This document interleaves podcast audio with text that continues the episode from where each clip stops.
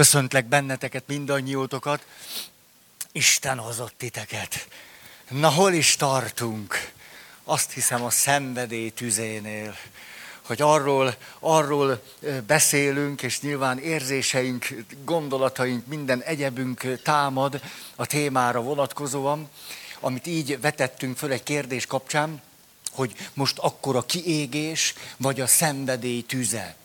Mindezt pedig a társkapcsolat összefüggésében próbáljuk megnézni, hogy hogyan lehetséges az, és hozom is akkor rögtön a széket, hogy egy tartós, hosszú távú társkapcsolatban, amihez nagyon örömmel kötöm és kapcsolom azt, hogy örökérvényű, fölbonthatatlan hűség, gyerekekre nyitott, kölcsönös szeretet kapcsolat, hogy ebben hogyan lehetséges a szenvedély tüzének a föntartása. Ez hogy lehetséges? Erről lenne akkor a mai alkalommal is szó, csak természetesen sok új dolgot is szeretnék hozni. Csak annyi ismétlést, hogy természetesen ez a téma, hogy egy kapcsolat, és itt most még azt még jobban hangsúlyoznám, hogy ugye itt, hogy tartós kapcsolat, örökérvényű és a többi, hogy a mi kultúránkban ide a szerelem is kapcsolódik. Hogy általában ma már a szerelmünkkel házasodhatunk meg. És ez a két dolog, hogy tartós és örökérvény, hogy ez van bennünk szándékként, és ráadásul a szerelem ihletettségéből is nyerjük azt, ahogyan csillog a szemünk, és azt mondjuk, hát hogy, hogy, hogy, hogy meddig, örökké. Hát mindig. Hogy lehet olyat kérdezni, hogy meddig akarok élni a Brünnhildával? Mindig.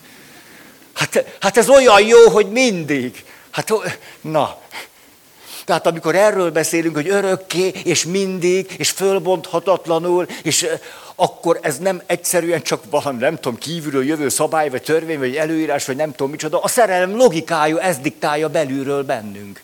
És akkor ezzel összefüggésben is itt megjelenhet a döntés, és elköteleződés, és a többi, és ezen a széken éljük meg, hogy na hát, ha ez megvan, akkor viszont, akkor azt a tényleg legyen örökké. Tehát akkor aztán biztonság, Na akkor aztán keretek, korlátok, szabályok, akkor aztán rend legyen, akkor aztán szabályozzuk úgy, hogy itt ne legyen valami baj. És ahogyan ez magából a szerelem logikájából is indul, természetes feszültségeink támadnak azzal, hogy kaland, hogy fölfedezés, hogy utazás, megvan a hely hogy biztonság, helyet, kiszámíthatatlanság, hogy nem tudom, hogy hogy lesz a következő pillanatban, és ez nagyon izgató is tud lenni, és nagyon érdekes tud lenni. Ah.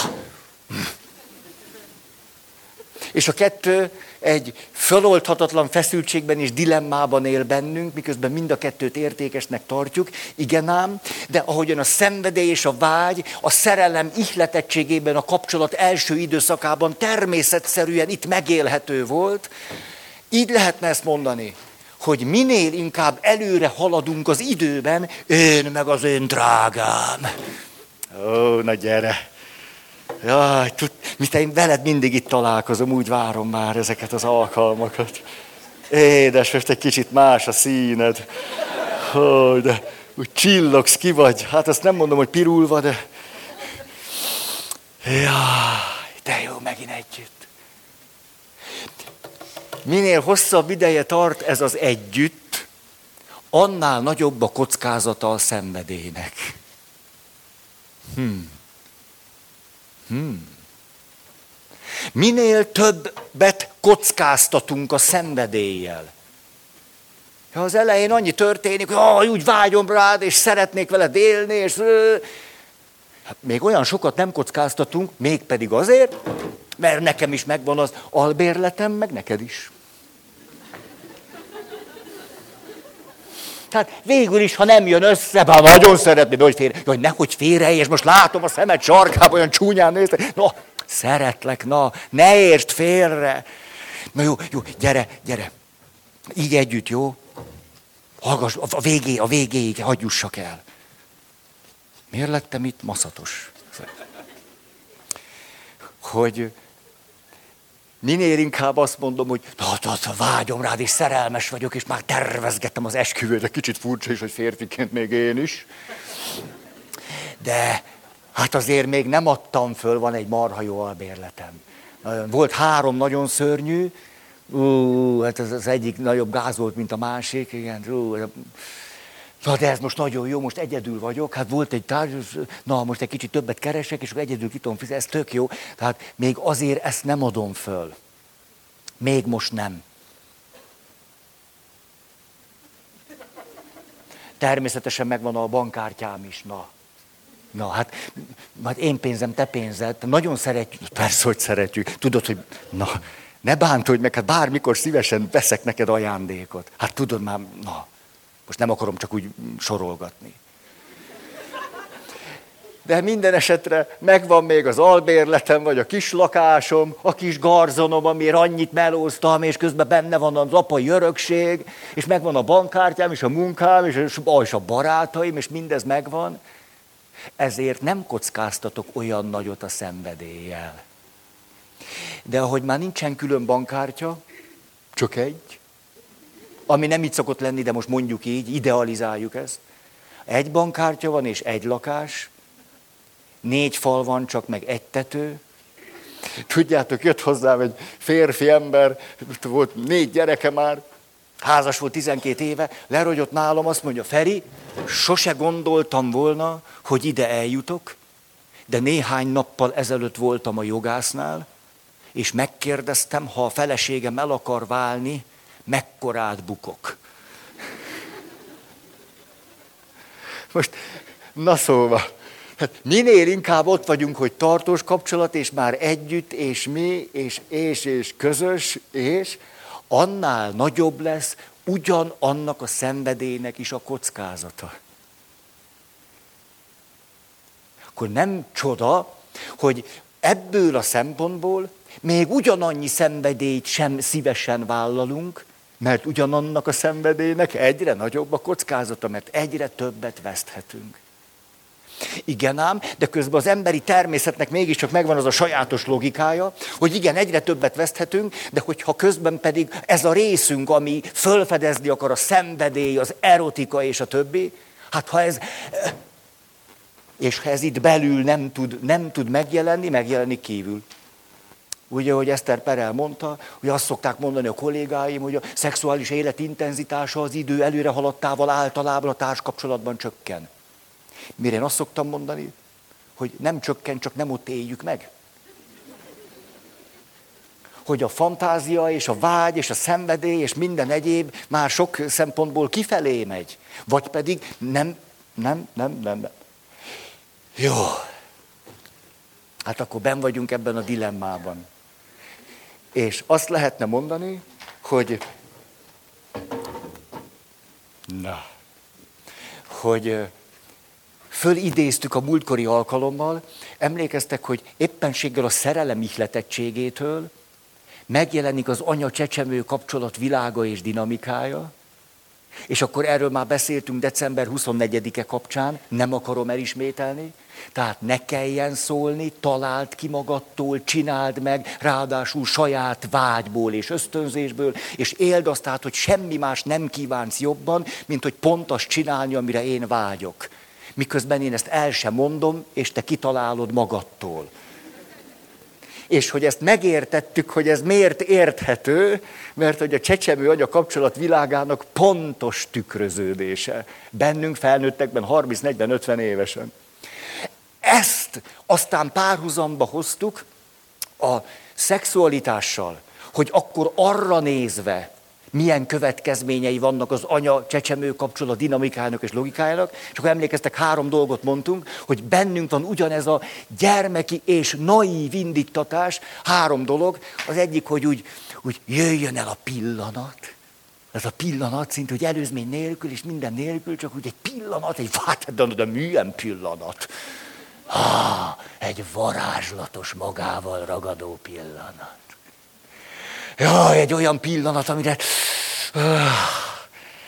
Jaj, hogy egyszer csak jöjjön el ez a pillanat, és a pillanatnak a varázsa és ihletettsége és heve ragadjon el minket, és spontán módon történjen meg valami, aminek nem tudunk ellenállni. Megvan ez nektek? Tehát, hogy jöjjön el a pillanat, aminek a hevében és szenvedélyességében valami elragad minket, spontán módon megtörténik valami, aminek nem tudunk ellenállni. Ez az igazi szex. Az összes többi gagyi kínai másolat. És mi utáljuk a gagyi kínai másolatokat, és ezért, tudjátok, eljárunk úgy, mint az a hölgy, akit emlegettem múltkor, mondja nekem, hogy Feri tíz évig vártam arra, hogy a férjem kitalálja hogy mit szeretnék, és tíz év után rájöttem, hogy ha azt szeretném, hogy esetleg megcsinálja, akkor szólok. De akkor is még csak esetleg, de legalább az esélyeim nőnek.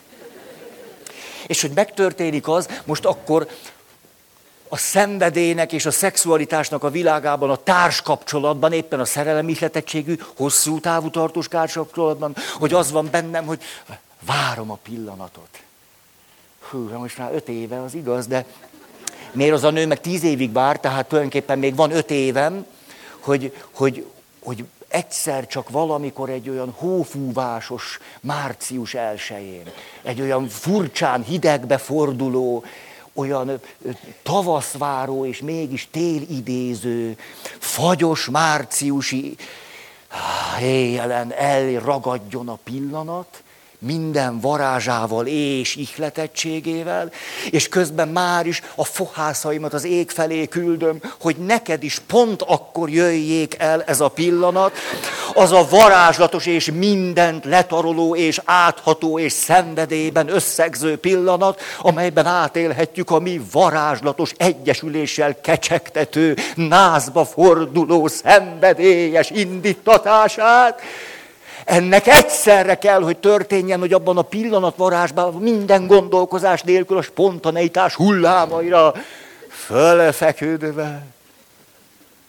Egyszer csak megtörténjen az, aminek egyikünk sem tud ellenállni. Kivéve, ha a gyerekek fölsírnak a kis vagy bejön a kislány, és azt mondja, kakájót kérek mert akkor oda a pillanat, a varázs, a spontaneitás, az ellenállhatatlan sodrás az eseményeknek, akkor új, na, tudjátok mi hangzott itt el? Újabb tíz év. Nem csoda, hogy ezt nehezen viseljük, ugye? Pedig már megvolt, ott tartottunk, megvolt a pillanat, a varázs, a spontaneitás, a vágy, és ez együtt, és pont akkor jött a gyerek. Egyébként ez tényleg megtörtént, jött, jött a kisfiú, lehet, hogy kislány volt, nem tudom, hát nem az enyém. És. Nekem nem kell ennyire képzetnek lenni ebben, hogy fölismerjem, hogy kisfiú vagy kislány jött a kis gyerkőc, is volt, és így egy ilyen ihletettségbe berobbant, és akkor azt mondta, anya, kéjek kakajót. Volt körülbelül három éves, és a nagy testvére még akkor fönn volt, engedélyezte neki anyukája, hogy rajzolgasson. Te rajzolgatott is, minden is. Jó, hogy hoztam, ceruza is mindig van nálam. Rajzolgatok. Na, az így, ő a nagy testvér, ő, rajzolva, és akkor az anya kikészülve, hogy, el, hogy ő ezt már nem, azt mondja, hogy nem, nem, nem, hányszor kelsz már föl? Hányszor, harmadszor kelsz föl? Ezt csinálod hetek óta, hogy nem vagy képes ott maradni az ágyadban. Hogy könyörögjek már neked, mit csináljak már? Mit csinál egy teljesen egészséges három éves kislány? Vagy kisfiú. Ugye az anonimitás nagyon fontos. Hát el kell sírni. És ez az anyát már nem hagyja meg, hiszen újabb tíz évet kell várni, ugye? Tehát ahhoz képest a kislány sírása eltörpül, és tényleg ebben a történetben úgy történt, hogy minden haragjával, dühével, csalódottságával, kiábránultságával oda ment a hűtőszekrényhez, jó, akkor lesz kakaó. Kinyitotta, és nem volt tej. Ez aztán még inkább szíven ütötte, és magából kikelve, ezt maga az anyuka mondta, elkezdtem mondani, hogy édesanyám, tudod, hogy mi kell a kakaóhoz, hogy először kell egy benga nagy tehén, és a benga nagy tehenet meg tudsz állni, aztán pasztőrözik, és akkor zacskózzák. És... Szóval látni valóan, hát na, na, a tíz év az, az a minden súlyával ránehezedett a, a tudatára és a jövőképére. És erre a kisfiú, aki lehet, hogy kislány, ténylegesen megijedve már elkezdett zokogni, mert az anyukáját ilyennek még nem látta. Ettől az anya is tényleg észbe kapott, és akkor ő is elkezdett zokogni, és hát ez egy szép este Kovácséknál. És egyetlen egy valaki maradt valahogy a jelenben, mondjuk így, a nagylány, aki már hat éves, és már rajzolni tud, nem csak fészket rajzol, a fészek, azt tudjátok, ez minden gyerekrajz így kezdődik, hogy fészek, de ez már nem, itt már alakok vannak, most rajzolom a kezét, jön aranyos, most mosolyom, és fölnézett a jelenetre, és azt mondja, adjál neki vizet.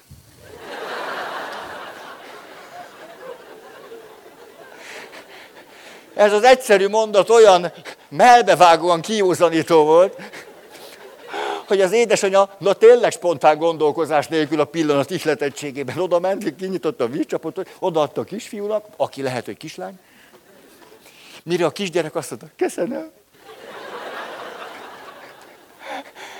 És jó ízlően ivott és elment, mert három évesen a, félve az álmából fölébredve, nyilván nem cifrázta ezt, hogy tulajdonképpen szomjas, azt az italt mondta, ami először eszébe jutott.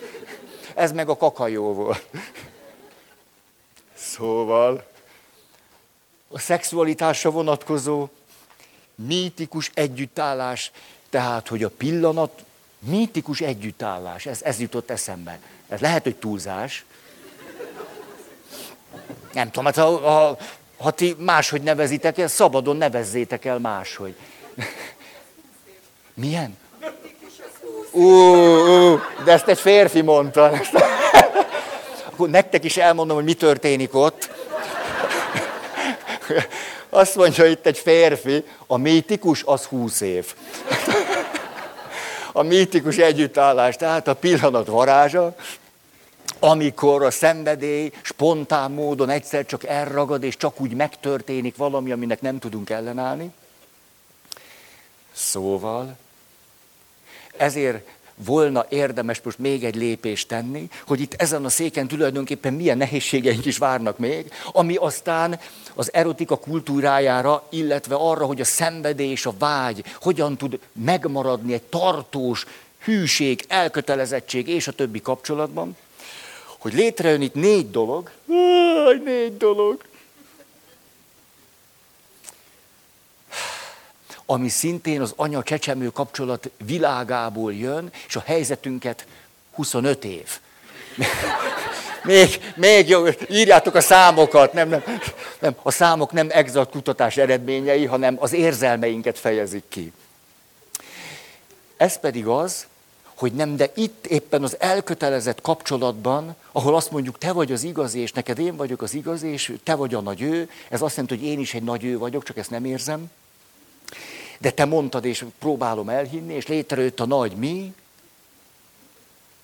Hogy gondoljuk el a szeretetet köztünk? Éppen a tartós, szerelemihletettségű, elkötelezett kapcsolatban, ahol oly nagyra tartjuk azt, hogy személynek tartjuk és látjuk, és személyszámba, emberszámba vesszük egymást. Ez azt jelenti, hogy azt mondjuk, természetesen föltétel nélkül szeres. Ezt, ezt kérjük. Hát hogy máshogy? És hogyha egy csecsemő azt mondja az édesanyjának szavak nélkül a létezésével, hogy szeres engem azért, mert vagyok, akkor ezt joggal teszi. Nagyon nagy probléma lenne, ha egy csecsemőnek a puszta létezésén kívül bármit tennie kéne ahhoz, hogy az anyukája, az apukája, vagy a nagymamája, vagy a babysitter, Ter, aki már most óper, hogy ő azt mondja, hogy na jó, ha ez a feltétel teljesül, akkor kapsz enni. Ha ez a feltétel teljesül, na akkor tisztába teszlek. Vagyis az első, ami megnehezíti a helyzetünket abból a szempontból, hogy kilépjünk abból a csecsemőkori naivitástól ihletett felnőttkori állapotunkból, hogy a pillanat ihletettségére elsodró módon spontán történjen meg valami, aminek nem tudunk ellenállni, az az, hogy él bennünk valami ilyesmi, hogy hát a szeretet nem pont az, hogy föltétel nélkül. És a föltétel nélkül alatt azt értjük, hogy nem kell érte semmit sem tennem. És egy csecsemőnek semmit sem kell tenni, csak lennie, de ahhoz, hogy köztünk létrejöjjön a szenvedélyesség kultúrája hosszú távon, amiben természetszerűen vannak hullámzások, annak nem sok köze van ahhoz, amit egy csecsemő él át, már amennyire tudjuk, és azt üzenni a világnak, hogy feltétel nélkül. Hmm. A csecsemő ebből a szempontból a maga módján nagyon passzív. Várja, hogy őt kielégítsék. Ő csak jelzi a szükségletét, a vágyát és az igényét. Ezt jelzi, és joggal várja, hogy aztán legyen valaki, aki által ő kielégül, és beteljesedik a vágya, és ő köszöni szépen jól van. De egy tartós társkapcsolatban, felnőttek esetén, a férfinő esetén, ha szabad így mondanom, nem ördögtől való az, hogy a passzivitás helyett valamilyen cselekvésre adjuk a fejünket. Ez talán egy picit jobban passzol ahhoz a realitáshoz, hogy felnőttek vagyunk. De egyáltalán, hogy elkezdjünk cselekedni, a szenvedély megőrzése, föntartása, fölszítása, mindenféle hullámzással együtt való biztosítása érdekében, már önmagában a cselekvésről nagyon sokan lemondja, lebeszélik magukat. Azzal, hogy hát most vagy szeretsz így, vagy nem. Most vagy elfogadsz, vagy nem. Hogy hadd élhessem már azt meg, hogy nekem ne kelljen csinálnom valamit azért, hogy te szeretsz. És ez a szenvedélyesség világára is döntő hatást tud gyakorolni. És azt mondom, hát ha már most én elkezdek irányulni arra, hogy a szenvedélyt hogy tudom föntartani, azt hogy tudom fölpesdíteni, hogy hogy tudom a, a vágyakozásomat fölszítani, az már nem olyan. Emlékeztek, hogy sokszor mondjuk, hogy az már nem olyan. Ha szólni kell, az már nem olyan. Ha mondani kell, az már nem olyan. És ez visszafog bennünket abban, hogy cselekvő képesen a szenvedélyt és a vágyat ébren tudjuk tartani. Na most, ah, azt mondja. Ide kapcsolódik, négy, négy ilyen kifejezést így írtam le. Tehát az első, hogy ne legyen semmiféle föltétel. Hát engem föltétel nélkül. A második, erőfeszítés nélkül. Maradjon fönn a szenvedély és a vágy, az izzás, erőfeszítés nélkül.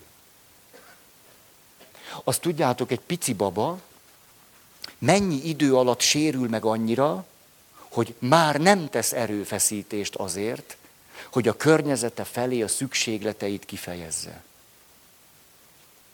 Hogy már lemond arról, hogy a környezete pozitívan válaszol. Hogy mennyi idő kell egy csecsemőnek ehhez. Ezek a kutatások nagyon megdöbbentő tapasztalatból vették a kezdetüket, mégpedig, hogy valamikor a 60-as években hirtelen, ugrásszerűen megnőtt azoknak a felnőtteknek a száma, akik krónikus kapcsolati zavarokkal érkeztek különböző segítőkhöz. És a segítők tapasztalták ezt az ugrásszerű növekedését a kapcsolati zavarral, problémával élő felnőtteknek, és nem értették, hogy ez miért történik, és egyszer csak rájöttek, hogy ők háborús gyerekek. És akkor döbbentünk rá, hogy a háborús gyerekek csecsemőkor, kisgyerekkor hogyha nem kapják meg a szükséges gondoskodást, akkor egy életre szólóan megsérülnek a kötődési képességükben. És ezt a kötődési, kapcsolati képességi zavarukat egy életen keresztül viszik tovább. Erre úgy jöttünk rá a tapasztalatok révén. És innen ebből a kutatási folyamból derült az ki, hogy egy pici csecsemő számára egyetlen hónap elég.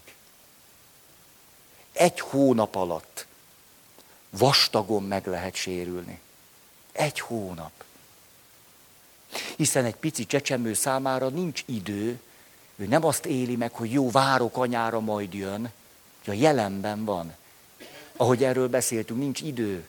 Ezért van a, a vágyainkban az, hogy a pillanat, a pillanat ihletettségére, a pillanat, és sodorjon el, és történjen meg. És... Hm. Tehát az első, hogy akkor szeress engem föltétel nélkül, amihez azt kapcsolom, hogy ne kelljen csinálnom vagy cselekednem. Ne kelljen a szenvedélynek, a vágyakozásnak a kultúráját nekem föntartani, hanem szeress engem úgy, hogy én ezzel nem csinálok semmit. A második, erőfeszítés nélkül történjen meg. Erő, hát eh, spontán magától ellenállhatatlanul sodorjon engem valami a te karjaidba. Mert akkor az igazi, ha semmilyen erőfeszítés nem kell tennem. Akkor az igazi. Ha csak úgy megtörténik velem és bennem, és az elsodor, és egyszer csak egymásé leszünk.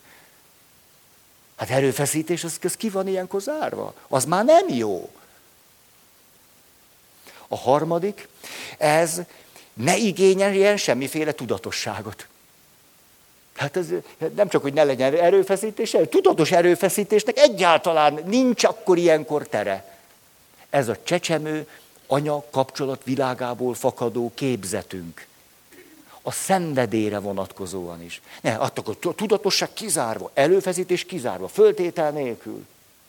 És a negyedik, mindez konfliktus nélkül történjen.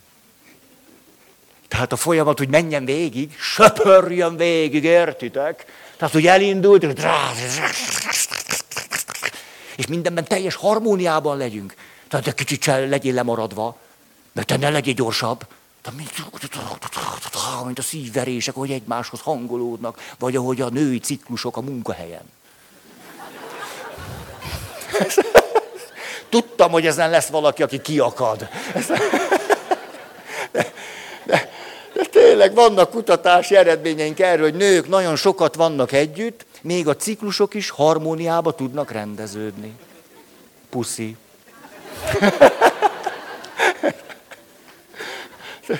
Szóval, itt van bennünk akkor a szerelem ihletettségéből adódó, az anya-csecsemő kapcsolat logikájával párhuzamot mutató négy tünet, ami tulajdonképpen folyton folyvást lebeszél arról, amiről egyébként nem úgy le, le kell bennünket beszélni, mert sose akartuk csinálni, tehát lebeszélni se kell nagyon, ez, hogy föltétel nélkül, erőfeszítés nélkül, tudatosság nélkül lehessen, és a negyedik így volt, hogy konfliktusok nélkül. És csak Jaj, de szép az élet. Másnak.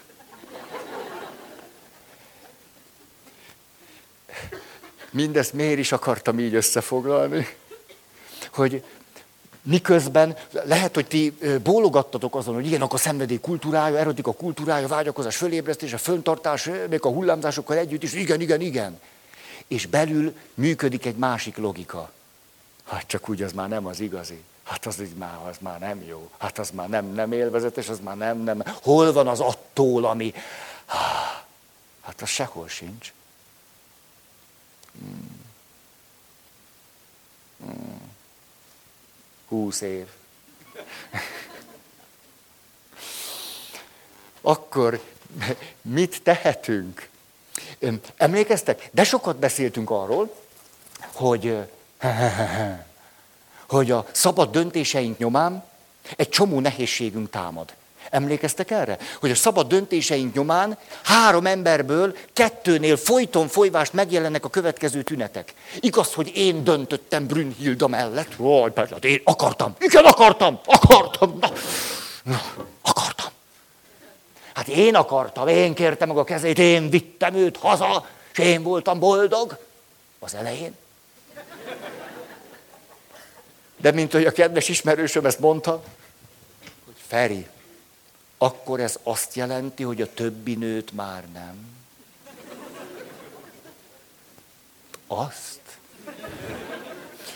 Ebből adódóan, hiába élek Brünnhildával, akit szeretek, közben a gondolataim annál a három és fél milliárd nőnél járhatnak, akikről most lemondtam, még tulajdonképpen most tudatosult, és tényleg lemondtam. Ez most komoly. Jó, mondjuk három millió, vagy milliárd, jó, de mondjuk azért a, azért a Kati meg a Mari még maradjon. Még őróluk külön elgondolkozom. És azért ez már elég nagy gesztus, nem? Tehát egy milliárd számra mondtam nőkről, hogy nem. Most csak, hogy az a kettőt föntartok, az nem, nem, nem annyira durva szerintem. Nem, tehát a veszteséghez képest nem annyira durva. Nem, az, az első szerelmemet azért csak, csak úgy fönn, csak úgy, na, na. Azért a Facebookon egy kicsit rá klikkelni. Mi van az én Katimmal? Hát nem az enyém, hát persze, persze a házas, de azért... Azért csak én voltam az első. Azért az... Szóval, na szóval, a szabad döntéseink nyomán mi történik meg? Megnőhet a veszteségtudatunk mindazokkal kapcsolatban, akik nem lettek a mieink, most a szónak nem birtoklás értelmében. A döntési folyamatok megnehezednek, megnő a felelősség. Úgy érezzük, ez nagyon fájdalmas, hogy a relatív költségek megemelkednek. Mi az, hogy a relatív költségek megemelkednek? Hát most együtt élek, túl együtt élek veled. Most, most olyat akarok mondani, amit, ami nem fog neked jól esni. De hát ez az igazság. Tudod, egyszer fölébredtem, és akkor arra gondoltam, hogy de drágába vagy nekem. Az a sok lemondás, az áldozatok. Hát én nagyon szeretlek, de 15 éve fizetek, érted? Ez egy komoly törlesztőm van. Hát nem tudom. Ráadásul képzeljük el, hogy enyém lett a világ legcsodálatosabb nője. Akkor enyém lett alatt nem a birtoklás értelmében való beszédet értem. Te együtt élhetek vele, és nekem mondta azt, hogy igen. Hát most akkor végül is csak az történt, amit, amit én elterveztem. Nem? Tehát azért meglepetés nem ért. Mert én választottam, és azt mondtam, legyen az enyém, és akkor enyém lett, és akkor ennyi. Erre azt mondják a kutatók, ha be is teljesedik az, ami ott volt a vágyamban, három emberből kettő számára a pozitív fordulat megszűnik. Nincs pozitív fordulat. Mert csak az lett, amit akartam. Ám de a csalódás esélye maximális. Mert ha csak egyszer nem vagy olyan, amilyennek szeretnélek, akkor már nem vagy olyan, akkor csalódok. Ha olyan vagy, akkor azt mondom, ezt vártam el. Tehát itt rendkívüli dolog nem történt. Hát pont azért vettelek el, mert ilyen vagy. Tehát jónak kell lenned nyilván. Nem, ezért vettelek el? Na, most egy kicsit tudom, hogy bántó, de azért a mihez tartás vége. És most a szenvedély kultúrájával összefüggésben egy új gondolatot hoznék, hogy mi az, ami ilyenkor még megjelenik, ez pedig az, hogy kétségkívül Brünnhilda Na. Te hogy látod? Mi történt? Meg se szólalt. Jó, hát nem szoktunk erről annyira sokat beszélni. De hát. Na.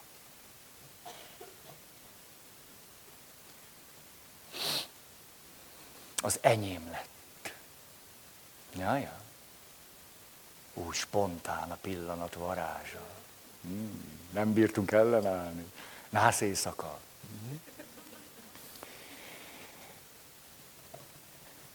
Mi az, ami, mi az, amit ilyenkor elvesztünk?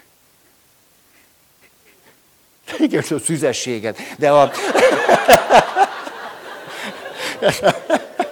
Igen. Látjátok, máshol is zajlik az élet. Nem csak ti pezsegtek. nagyon örülök, hogy együtt rezdülünk, és kétség kívül, igen, kétség kívül a matéria felől nézve, de mondjuk egy finomabb összefüggésben. Hát mit vesztek el? A beteljesülés eufórikus pillanataiban. Na, na. Mhm. A vágyat. Mert beteljesedett. Ezért elvesztem a vágyat. Az van bennem, hát mi, miért, miért, miért az évek, és miért az udvarlás, és miért, és miért, és miért, hogy beteljesedjen. És be, ha beteljesedik, hát ez hát kimondhatatlan, szavakkal leírhatatlan. Csak közben elvesztettem a vágyat. Hát a beteljesedésben nincs vágy. Mert most teljesedett be. És most, mikor hazamegyek, pontosan tudom, hogy Brünnhilda otthon lesz. Otthon. Biztos, hogy otthon lesz.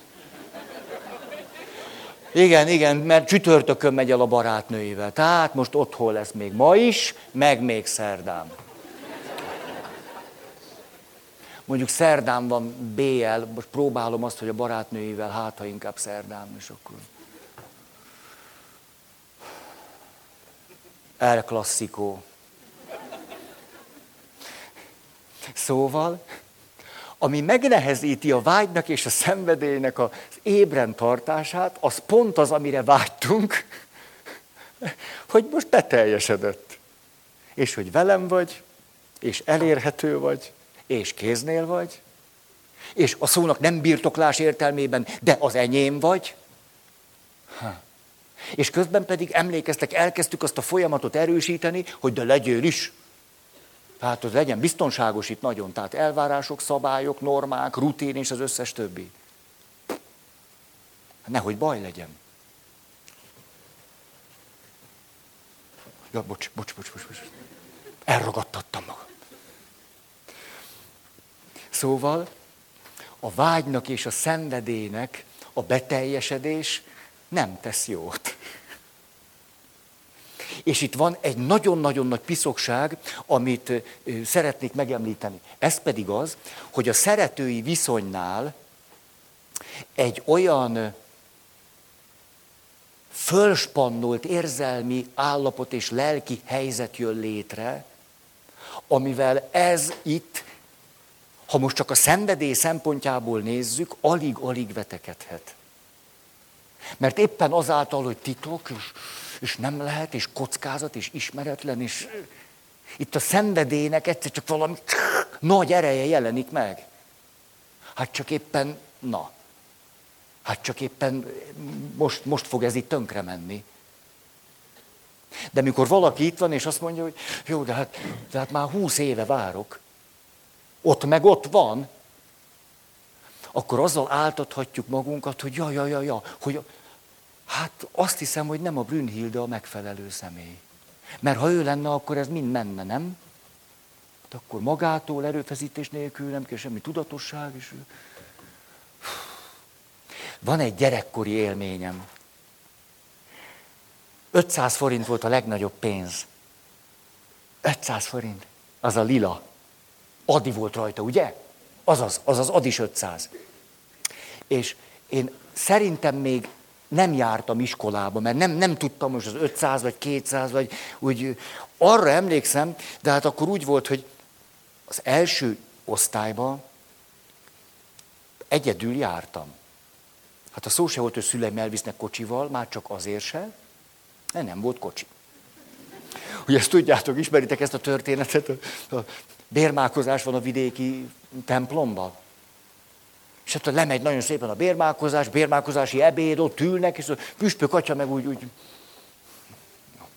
látszik, hogy valami nem esik neki jól. És végül csak kiböki, hogy hát ne haragudj, plébános atya.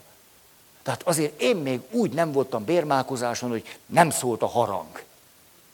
És akkor plébános sóhajt, hogy ó, püspök, hogy a sok oka volt annak. Hát az első rögtön, hogy nincs harang. Szóval, hát hat éves voltam, a szüleim azt mondták, hogy vigyázott, van egy kereszteződ, és ott nagyon óvatosan menjél lát, jól néz körbe, aztán akkor szevasz. Hát így, így volt, hat évesen simán mentem suliba, és akkor ennyi. Hát mondjuk nem is értem haza időbe.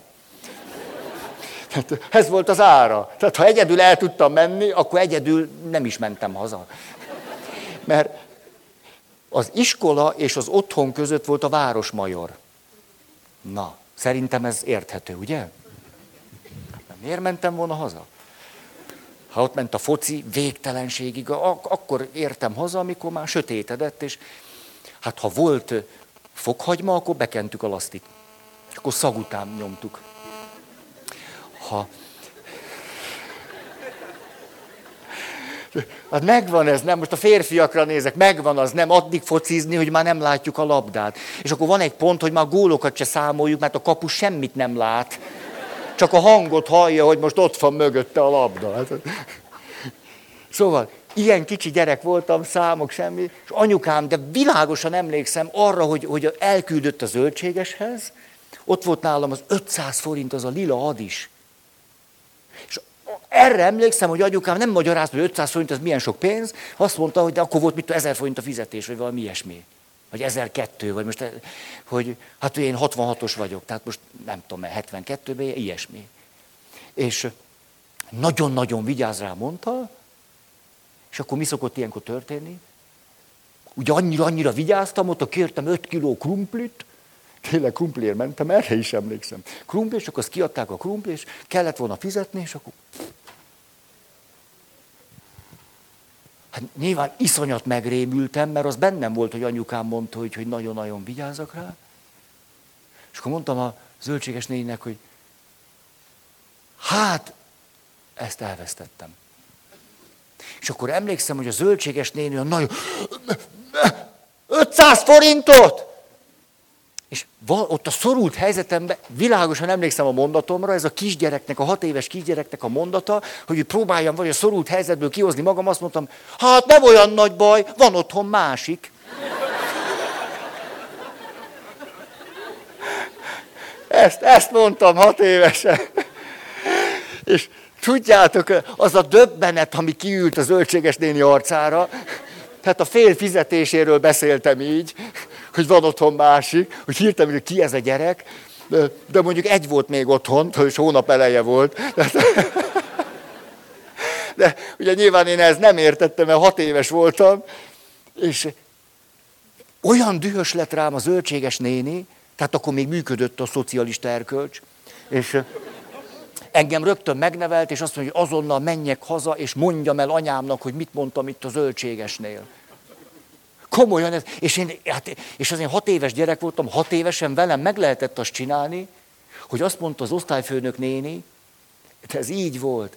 Ott álltunk a Csaba utca sarkán, erre is világosan emlékszem, azt mondta, anyámmal akart beszélni, azt mondta, Feri, menj el ott a sarokra, Csaba utca sarok, nézd meg, ott vagyok-e.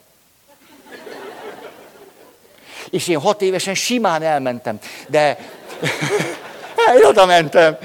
Arra emlékszem, hogy volt bennem kételj.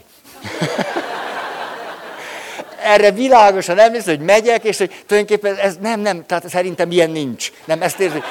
Mondtam, hogy szerintem ilyen nincs, de mégis csak hát az Enikő néni mondta, ne, hát nem. Hát az Enikő néni, most azt mondta, menjek, elmegyek, és anyukám is bólintott, tehát akkor elmegyek, megnézem, szerintem hülyeség, de... Na szóval, azt mondja nekem a zöldséges néni, menjek haza, és mondjam el anyámnak, hogy mit merészeltem mondani, hogy van másik. És akkor elmentem, és akkor anya, anya, ugye, elvesztettem az 500 forintot, na akkor anyám, ugye, tehát akkor már még inkább éreztem, hogy baj van, miközben még el sem mondtam, hogy a legnagyobb baj. és akkor te azt mondta a zöldséges néni, hogy, hogy el kell mondanom, azt mondtam, hogy van másik. Ez így volt, és akkor, és anyukám azért, na, és akkor anyukám megenyhült. Tényleg, ez volt a pont, hogy, hogy hirtelen észrevette, hogy én egy gyerek vagyok. Tényleg nem, hát addig a veszteségnél volt az 500 forintnál. Csak emlékszem, leült velem, és elmondta, hogy te Ferikém, hát most, hát kettő volt ebből. És én most nem tudom, 12 forint lett volt a krumpli, vagy nem nagyon sok pénz, és ebből élünk, és akkor emlékszem, hat évesen életemben először, akkor a szüleim elkezdték mondani, vagy az anyukám mondta, hogy hogy van az a pénzzel. Hogy azért, mert nekem az az élményem, hogy anyukám kiveszi a tárcájából, odaadja, és az, hogy azért az nem úgy van, hogy kinyitom a tárcát, és benne van. De hat évesen az úgy van. Megvan ez nektek, ez pontosan úgy van. És amikor serdülők leszünk, egyszer csak eszünkbe jut, hogy hú, az anyám pénztárcája. Hát, azt nehezen tudom elképzelni, hogy kinyitnám, ne volna benne pénz. Ismerős ez a kísértés. Szerintem ismerős, csak látom ez a, a merev arc kifejezéseden, hogy most tudatosult, hogy még sose gyóntad meg. A,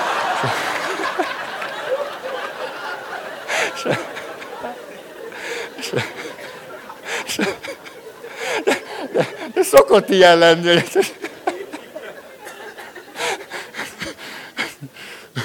Ugye most, most azt jut eszembe, valaki fölállna, az apámé volt, te!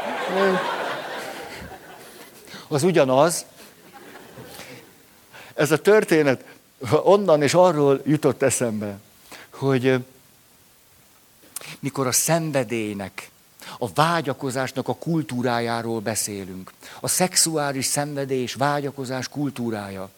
Hogy akkor elevenen élhet bennünk ez a hat éves kisgyerek, akkor még csak nem is a csecsemő, akiben az van, hogy hát majd jön. Van másik. Az úgy magától lesz, magától. Nem kell erőfeszítést tenni, hanem anyukám odaadja, azt megfogom, elviszem, veszek érte krumplit, és jól belakom, és megvan az élvezet.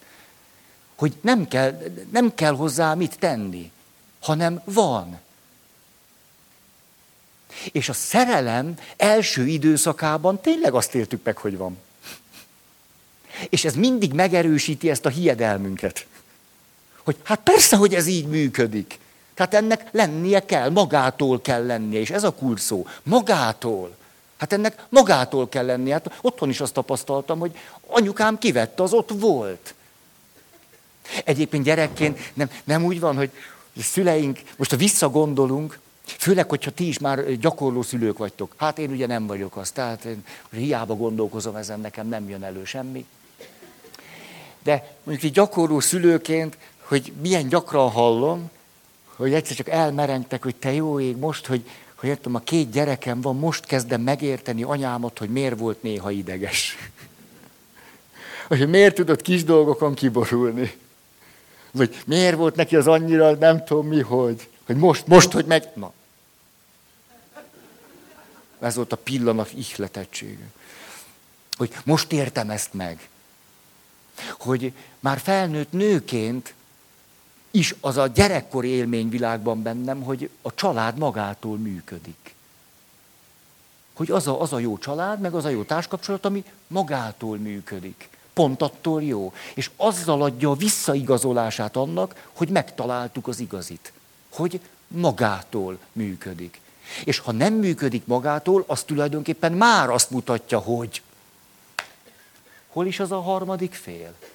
Hát, hogy baj van a személlyel törvényszerűen akkor most derült ki. Jaj. Szóval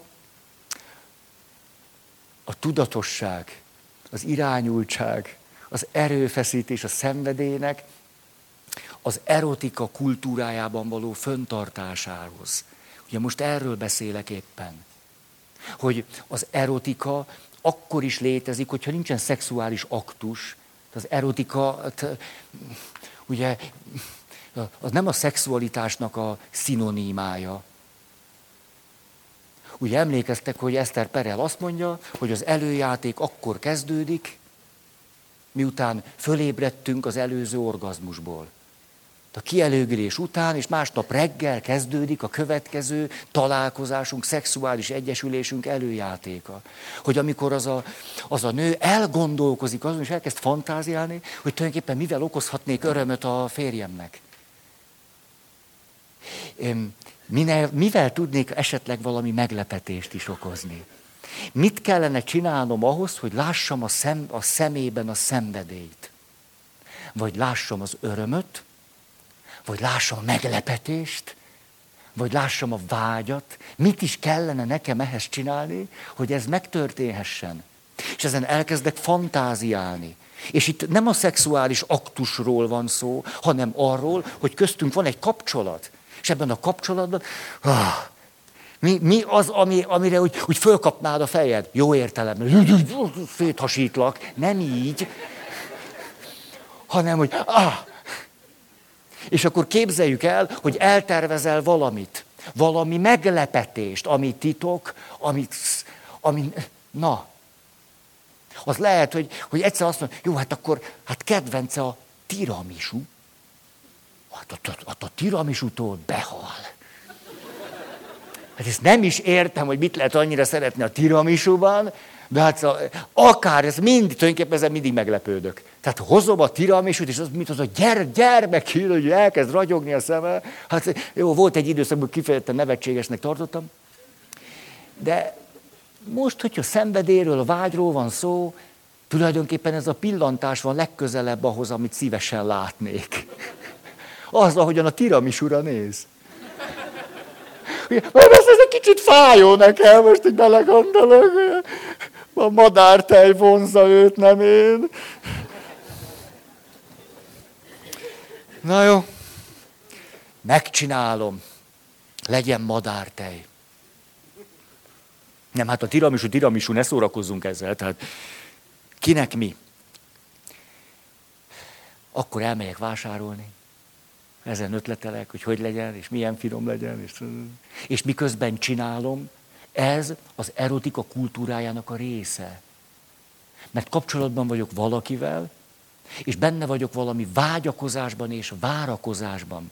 És hogy ez valódi kultúra legyen, az is bennem van, hogy ahogyan ezt csinálom, még semmi beteljesülés nincs, sőt kockázatom is van, mert nagyon fáradt, akkor lehet, hogy majd ő azt mondja, hogy jó, hát a tiramisú szokta csinálni. Ez nagyon fájna, de, de, de, de nem adom föl. Nem adom föl. Akkor is ez majd valami, de, de hát, ha meglátom majd a szemében azt, azt, azt, azt és akkor az első pillantás a tiramisú, és arra leszek kíváncsi, hogy akkor utána rám néze. Érted? Hogy rám néz azzal a pillantással, hogy na, azzal, azzal a pillantással.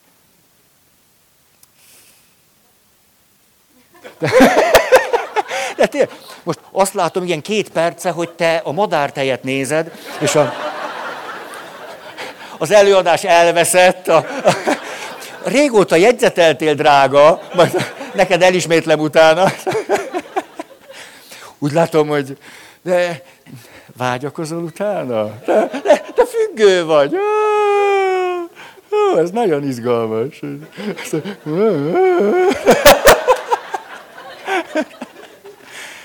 Ide rakom, de azért lássad, jó? Így. Nagyon. Mit szeretsz benne?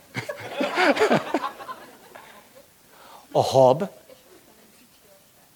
Ú, ú, ú, most kezd velem valami történni.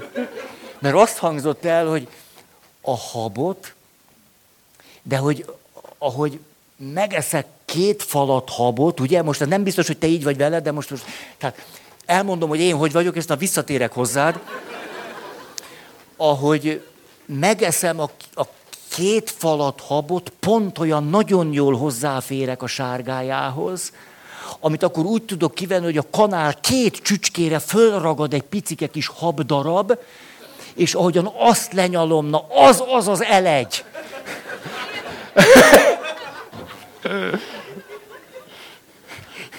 Ez a szenvedély kultúrája. És még ki se bontottuk. Semmi, itt van bezárva. Látjátok? Tehát nem a szexuális aktusról van szó, hogy azon nyomban kielégülés. Hát e, a, a mai világnak a logikája éppenséggel ellentétes a szexuális, nem, az erotikus kultúra világával, ahol azt mondom, hogy még ki se bontottuk, és, és már jól vagyok. És most belegondolni, hogy majd kibontom, kis bűntudatom van azért, majd most. Hogy lesz ez? Legyen is, ugye? Ö, ezt hoz köztünk egy dinamikát. Tehát az örömteli várakozás, az örömteli vágyakozás, hogy elkezdem értéknek látni azt, ugye itt az volt, ne haragudj néha, na, hogy itt az volt, hogy, hogy vágy és szenvedély, itt az volt, hogy hát biztonság és beteljesedés, és egyszer csak itt elkezdem nagyra értékelni azt, hogy a vágy milyen értékes. Hogy nem csak a beteljesedés értékes, a vágy milyen értékes. Hogy a szenvedély milyen értékes, anélkül, hogy beteljesedne, hogy annak van önmagában értéke. Így köztünk egy tartós kapcsolatban, ahogyan számunkra fontos a szenvedély világa. Hogy ez önmagában nagyon értékes. Ezért valahogy, hogy csinálom a, a madártejet, tulajdonképpen egész jól vagyok. Jó, ez jó.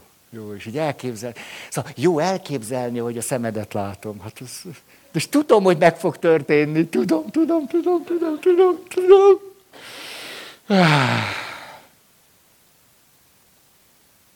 Érthető ez egy kicsit. Mert én nem értek hozzá. De most ránézek, hú, mennyi 7-8 perc, 13, 14. De folytatom még. Úgy, úgy terveztem, olyan rémülten néztetek rám. De még nem bontjuk ki. Benne vagy, hogy nem bontjuk ki. Mit van? Csereped? Csere? Mit adsz érte?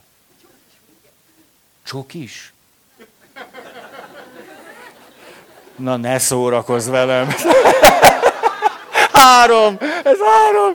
Na, várjál, akkor erről mondok valamit, hogy a, hogy a, ezért a szenvedély, vagy az erotika kultúrájában egészen, egészen más logika érvényesül, mint a mennyiségi kultúra. Ne, nem a számok bűvöletében vagyunk. Hát ahogyan eltelik egy nap és két nap, és kitalálom, hogy csinálom, és vagy elkezdem hétfőn, hogy ez hétvégén lesz, és az hogy lesz, és hogy, hogy esetleg, amikor azt a madártejet behozom, föl is veszek valamit. Fölveszek. Keresek egy jó illatot. Hm? Miért ne keresnék egy jó illatot a madártejhez? És amikor oda megyek, és úgy átnyújtom, akkor közel lesz az illat hozzád. Ha? Jó, nem? Az a legjobb, hogy a férfiak ebből semmit nem szoktak észrevenni. Magunk között szóval, tehát ezt, ezt pont úgy lehet csinálni, hogy úgy, na, ez jó. Nőnek lenni jó. Most jaj, itt, itt vagyok, most ezt átélem, hogy ez, ez jó. Ez jó. Most eszembe jutott, hogy meg fogom mosni a hajam. Azért, mert amikor oda nyújtom,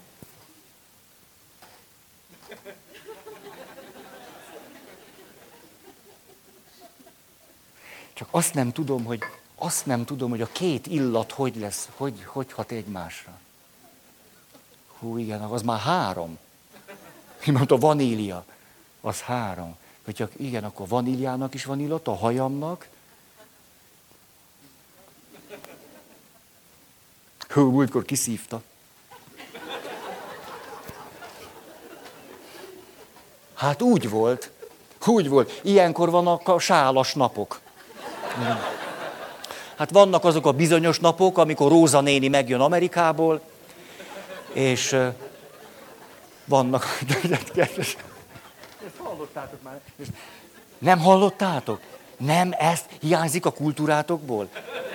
Így, így, mert Róza néni megjött Amerikából. Ezek azok a bizonyos napok, és aztán vannak a sálas napok. Persze, az is nagyon izgalmas, bemegyek a munkahelyre, azért múltkor az volt persze, ja, én itt vagyok. bementem a munkahelyre, és akkor rám nézett a Kati, látta a sálat, azért villant a szeme. Tulajdonképpen jól esett, hogy irigy. Láttam, hogy irigy. Na ja. Csinálni kell a madártejet, ez a titka. Katikám drága, nem adják ingyen.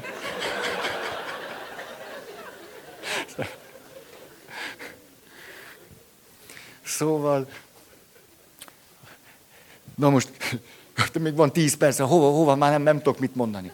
Hogy, de tudok, van itt annyi gondolat, csak nincs hozzá kedvem. A, tényleg, így úgy olyan jól el vagyok most ezzel, így a madártel, meg az illatok, meg az... hogy kérjem, hogy ők is, ők is, tudod, hogy ne, mert teljesen itt szétesik az előadás két részre.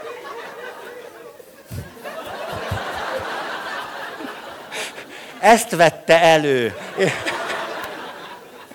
Értitek? Szóval, na, ilyen egy igazi nő. Olyan, nem mondok mindjárt valamit, de na. Azt tuti, hogy neked adom. A végén. A... Ne, ne, ne, ez jó. Most már zavarba hoztál. Nektek most elmondom, mi szólt, hogy itt a sál. Nem, arra nem lesz szükség.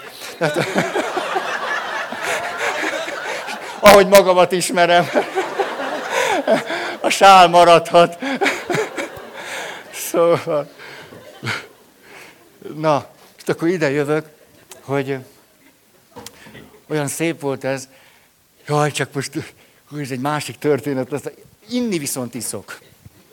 Na, azt, azt nekem is lehet. Azt mondja, hogy... Hmm.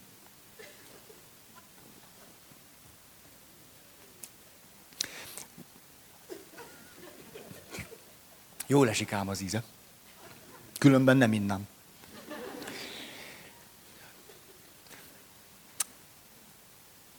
Két barátnőről szól ez a valós történet, hogy az egyik nagyon beteg lett, és elég, elég hirtelen és váratlanul. Olyan 60, 60 körül voltak mind a ketten, és hát súlyos beteg lett az egyikük, és teltek a napok, és szinte napról napra egyre, egyre, egyre, egyre rosszabbul lett. Szóval nagyon kívülről, nagyon láthatóan ment a, az eltávozás felé. És azt mondja nekem a, az ő ismerőse, akivel beszélgettem, hogy képzelt Feri, az utolsó találkozásunkkor, ez a halál előtt volt két nappal, Beszélgettem ott a betegágyánál, de már akkor fájdalmai voltak mindenféle testhelyzetben. Nem, nem tudott már úgy, úgy, úgy lenni a testével, hogy ne fájjon, pedig már morfint kapott, de hát azzal együtt is már adagolva, atapasz, a, jött már infúza, hogy... És akkor ugye csend lett köztünk, mély dolgokról beszélgettünk, és egyszer csak úgy rám nézett, mint aki fölébred, azt mondja, hogy te Margit, van nálad rúzs? És ezt mondja a kedves ismerősöm, azt mondtam neki, ez alap. hát most hát egy haldoklóhoz nem jövök rúzs nélkül. Hát ez alap. És akkor azt mondja, te, Margit, hogy rúzsoz ki, mert én, nekem már nincs erőm hozzá. Hogy csináld meg, légy szíves. És akkor ő megcsinálta, kiírúzsozta a száját. És akkor már nem kérdezte, hogy szépe, meg milyen, hanem csak úgy, na. Hát így érdemes. Nagymamám, amikor ö, haldoklott, három éven keresztül ö, voltam vele, Úgyhogy délelőtt voltam én a nagyival, és akkor körülbelül kettőkor elmentem edzeni, és akkor jött anyukám. És anyukám volt háromtól, egészen reggelig, én reggel megérkeztem, és reggeltől háromig én, és háromtól reggelig anyukám. És ezt csináltuk három évig. És az anyukámnak az utolsó mondata az volt, a nagymamámnak, nagymamám, tehát úgy anyukám, anyu, szóval a nagymama utolsó mondata az volt, hogy sóhajtott egyet, azt mondja, úgy ennék egy párat abból a finom eperből. Sóhajtott egyet, és meghalt.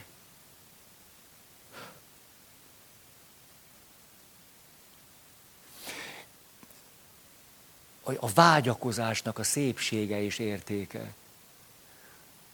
Hogy milyen mélyen kifejez valamit az ember voltunkból az, hogy rúzsos szájjal halok meg. És hogy az eper ízével megyek át a túlvilágra. Az utolsó mondatom, hogy van bennem még vágy. Még az, de megkóstolnám.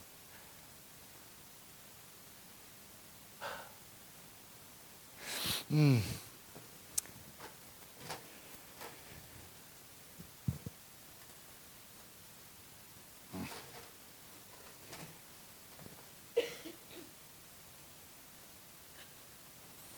Mm-hmm.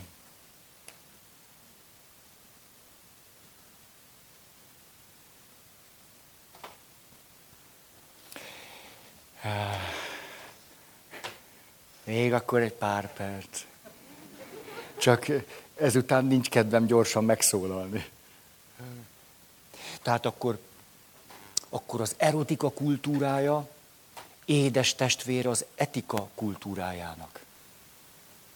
Hogy éppenséggel akkor engedhetem át magamnak a lehető legszabadabban az erotika kultúrájának, ha ezzel párhuzamosan a morális intelligenciám fejlett, és az etika kultúrájában is egyre mélyebb gyökeret eresztek. Hát akkor tehetem azt meg, hogy hogyha közben szilárd talaj van a lábam alatt. Ak- akkor is lesz benne mindig valami titok, valami kockázat, valami félelem, ez lesz benne. De azért engedhetjük ezt meg magunknak, mert morális intelligenciával rendelkezünk. A kettő nem szemben áll egymással, hanem éppen lehetővé teszi, hogy egy szabad ajtót nyissak az erotika kultúrájára. Azért, mert bejáratos vagyok és otthonos vagyok az etika világában. A kettő kiegészíti egymást, tartja egymást. Ezért nem kell megrémülnöm akkor, ahogyan beviszem a madártejet, és vágy szökken a szemedbe, és hála, és öröm, és valami izgatottság, és, és látom a vágyadat, ami most még a madártejre vonatkozik, de közben rám pillantottál. Hát és ezt, én ezt a pillantást akartam. Ezt. És az, ahogyan láttam a szemedben a vágyat, fokozta az én vágyamat. Hogy ne fokozta volna? Hasta. És mindezt azért engedhetjük meg annyira szabadon magunknak, mert hogy mély gyökeret eresztettünk az elköteleződésben, meg az erkölcsiségünkben. Ezért ez nem szétzilál bennünket, és nem fenyegető, hanem izgató. A kettő együtt jár, etika és erotika, és meg is erősítik egymást, lehetővé teszik egymást. Há. Mert ha csak az egyik van, akkor ha csak a másik van, olyan savanyú lesz az élet, ha csak etika van. Nagyon-nagyon, ne, keserű. Azt írt, keserű. Keserű. Elhamarkodott voltam az elébb. Keserű. Ott meg lehet, hogy nagyon édes, csak hát na. Neked édes, mások meg sírnak. Nekik sós. Ugye, amit csinálsz. Szóval ezek itt kard, karba öltve tudnak jól, jól járni.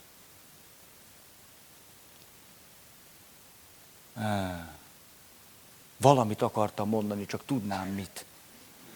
Itt volt a... Várjatok itt. Szerencsétlenkedek. Ez az.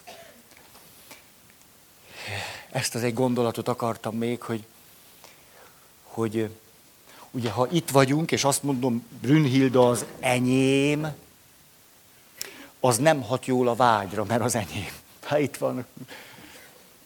De ha megengedem, amiről beszéltünk, hogy szabad legyél, és megélem azt, hogy bármikor mondhatsz nemet, és néha a nem nélkül is távol érezzük magunkat egymástól, hogy a szenvedély hullámzik, de ezt el tudjuk viselni, nem kérjük számon egymáson azt, hogy most benned miért nincs, vagy miért van, hanem egyszerűen elfogadjuk, hogy néha természetesen távolodunk egymástól, néha közeledünk, néha így vagyunk, és néha úgy, és ez belefér, mert hogy egy hosszú távú kapcsolatban ez a hullámzás belefér, a rövid távúban nem fér bele. A rövid távban csak a fönt fér bele, a lent már nem. De egy hosszú távúban belefér ez is, és az is, és így is lehetünk fönt és lent, és ez belefér. És akkor egyszer csak azt mondom, hogy, hogy a vágyamat az kelti föl, hogy elismerem ezt a szabadságot, amivel rendelkezel, amit nem tudok tőled elvenni, és ezért nem tudlak birtokolni, de közben vágyom arra, hogy birtokoljalak.